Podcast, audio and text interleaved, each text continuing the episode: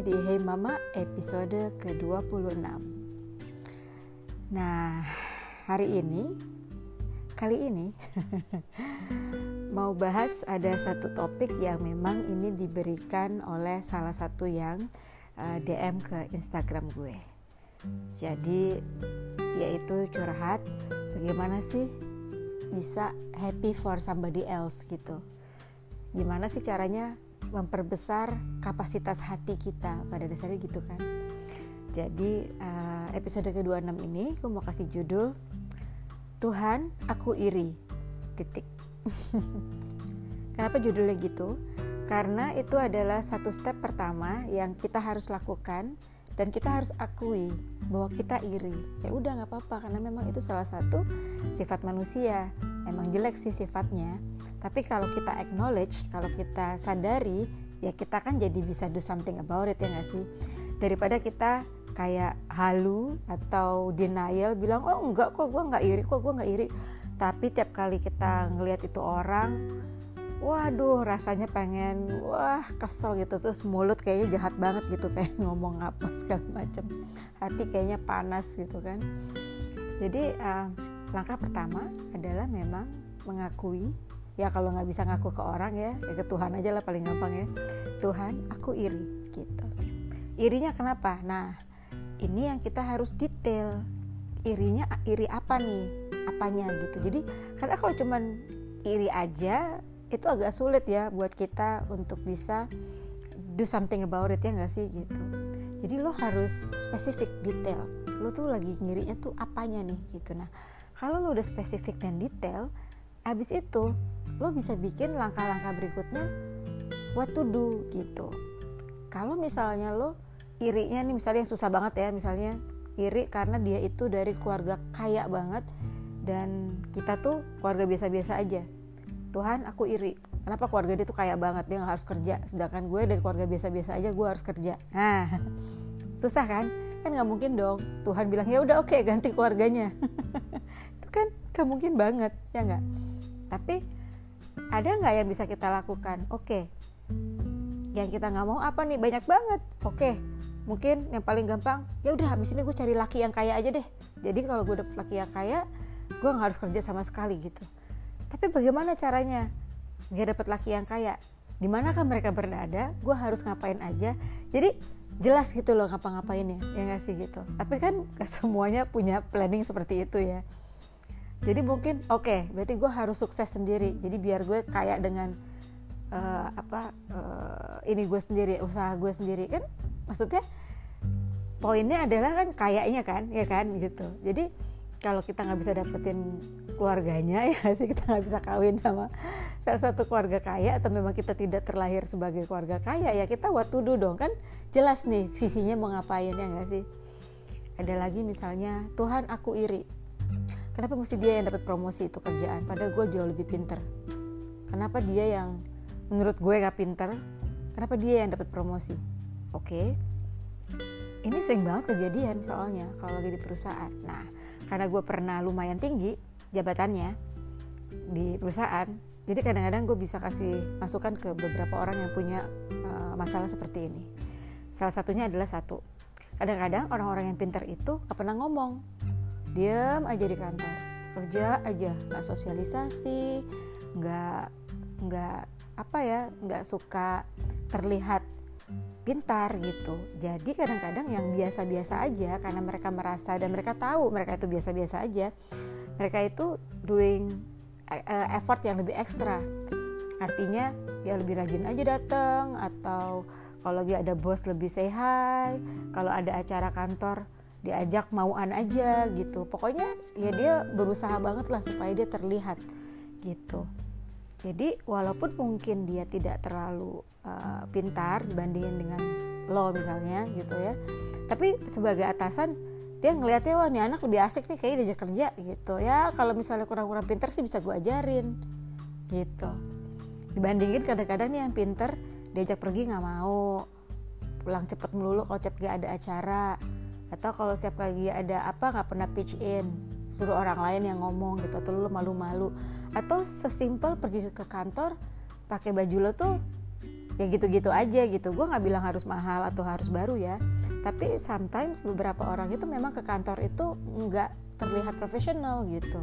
Looks boring gitu kayak ya udahlah gue harus ke kantor. Tapi ada beberapa orang pergi ke kantor itu memang dia beneran dipikirin banget tuh hari ini pakai baju ini gini nggak harus baru dan nggak harus merek ya sekali lagi. Tapi terlihat profesional. Jadi pas lagi masuk kantor tuh kelihatannya tuh kayak enak aja dilihat gitu. Nah kadang-kadang perusahaan itu suka mencari karyawan yang enak dilihat. Karena kan buat dibawa ke klien buat harus presentasi atau macam-macam lah gitu. Nah sekali lagi akui Tuhan aku iri. Nah abis itu lo lihat di mana nih kurangnya gue ya kan tapi kalau memang lo bilang waduh susah banget deh karena gue nggak bisa naik nih karena dia tuh kayaknya udah udah lama banget di perusahaan ini. Lo yang bisa lo lakukan apa? Cari kerjaan lain dong. Emang perusahaan cuma itu doang? Pindah dong. Ngapain ngedumel di situ? Cari dong tempat lain. Mulai yang lamar ya nggak? Siapa tahu lo bisa dapetin posisi yang lebih bagus gaji yang lebih oke okay, environment yang lebih bisa terima lo gitu. Kenapa harus stuck di situ? Kenapa harus bete di situ? Ya nggak atau apalagi nih? Ketiga Tuhan aku iri. Kenapa dia banyak banget uh, apa ya misalnya pacarnya gitu. Gue dapet pacar satu aja susah banget gitu misalnya. Misalnya. Nah terus ya lo lihat deh apa sih kelebihannya dia gitu? Fisik oke. Okay. kan nggak mungkin dong lo operasi plastik terus muka lo lo miripin sama dia. Kan nggak mungkin gitu ya nggak sih gitu. Nah berarti kita tuh memang paling enak nyalain orang lain tapi kita paling males kita yang harus berubah gitu. Sekali lagi kita nggak bisa nyalahin situasi loh. Kita tuh nggak boleh point finger ke orang lain. Kita selalu harus lihat diri kita sendiri dulu gitu loh. Oke okay, what did I do wrong gitu loh. Kenapa sih dia tuh kok pacarnya banyak banget ya? Gitu kok gue dapet pacar satu susah banget. Setelah dilihat-lihat oh ya susah juga ya. Gue kalau tiap kali diajakin keluar males ya kan? Terus gue nggak suka dandan. Ya gimana pun juga ya cowok ya sukanya ada cewek yang gue nggak bilang jago dandan tapi enak dilihat ya kan gitu. Jadi mungkin kalau lu udah nggak pernah potong rambut selama sejak SMP ya sampai sekarang gitu udah kerja tahun kedua nggak pernah potong rambut yang berbeda gitu mungkin ini saatnya buat lo potong rambut dengan gaya yang berbeda supaya lo terlihat berbeda ya gak sih? Gitu. Terus ya mungkin e, cara pakai baju lo dulu tuh mungkin old fashion banget coba lihat-lihat sekarang. Lihat di Instagram atau tanya sama teman ayo dong stylingin gue dong biar gue kelihatan agak lebih gaya dikit gitu atau apa gitu. Maksud gue gini daripada sebel ngeliat orang lain ya mendingan kita yang ini sendiri gitu. Nah terus kayak lagi di Facebook ah gue males ah gitu posting posting foto. Lah kan gak pernah tahu siapa tahu di Facebook itu ada teman-teman lo yang dulu atau apa ada temennya siapa yang lihat kok manis sih nih cewek gitu. Siapa tahu ntar ada message. Jadi kalau kita hidupnya hanya di zone kita itu doang. Ya gimana orang yang mau lihat lo ya bo? Gitu. Apalagi temennya perempuan semua. Jadi kan susah ya. Gimana dong gitu. Jadi susah mau cari teman laki-laki gimana caranya ya? Ya caranya adalah membuka diri gitu.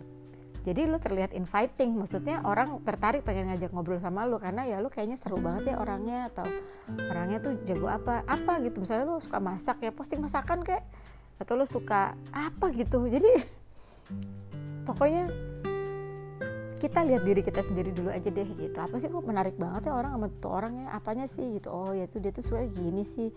Dia gini instead of kita ngiri mendingan kita langsung berkaca oh ya kita gue mesti ngapain ya? gitu.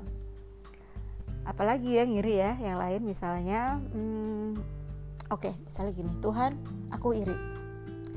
Kenapa dia tuh kayaknya uh, apa hidupnya perfect banget.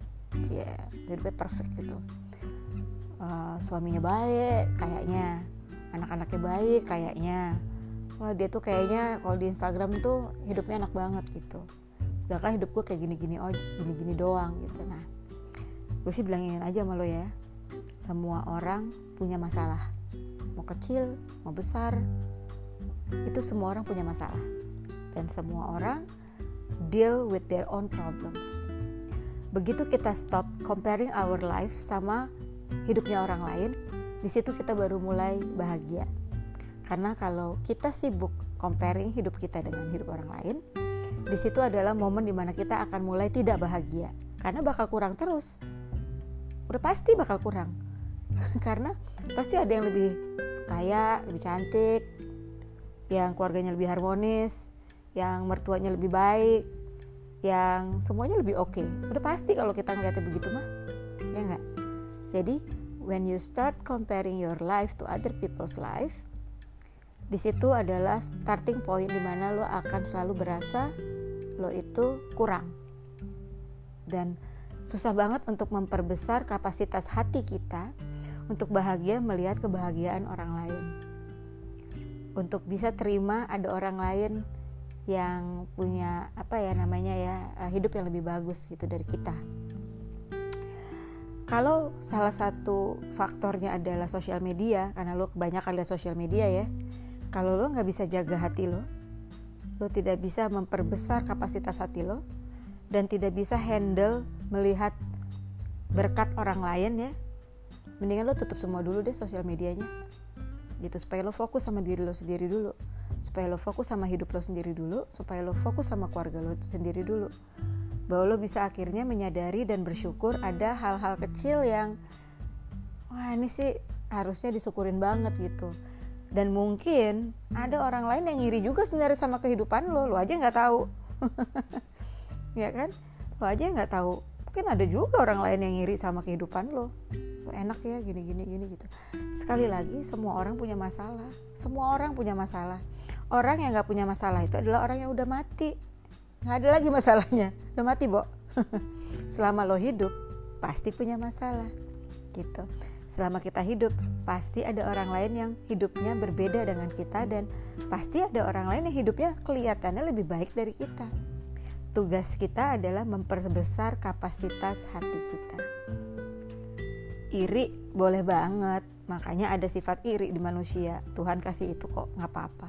Tapi begitu kita acknowledge begitu kita sadar iya nih gue lagi iri. Ya nggak apa-apa ya udah ngomong aja sama diri sendiri. Tapi habis itu kita telusuri gue irinya apanya ya pengen gue iriin ya? Gitu.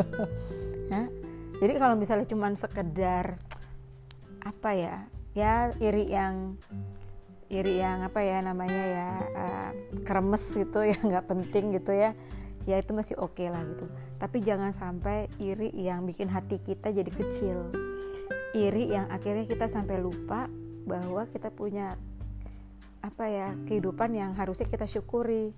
Masih bisa bangun nafas nggak pakai alat jalan nggak pakai tongkat masih punya masih punya kerjaan masih punya keluarga lengkap masih punya rumah. Jadi karena kita sibuk comparing our life sama other people's life kadang-kadang kita lupa gitu loh apa yang kita miliki. Sebenarnya ada juga orang lain tuh pengen banget sama yang kita punya sekarang gitu.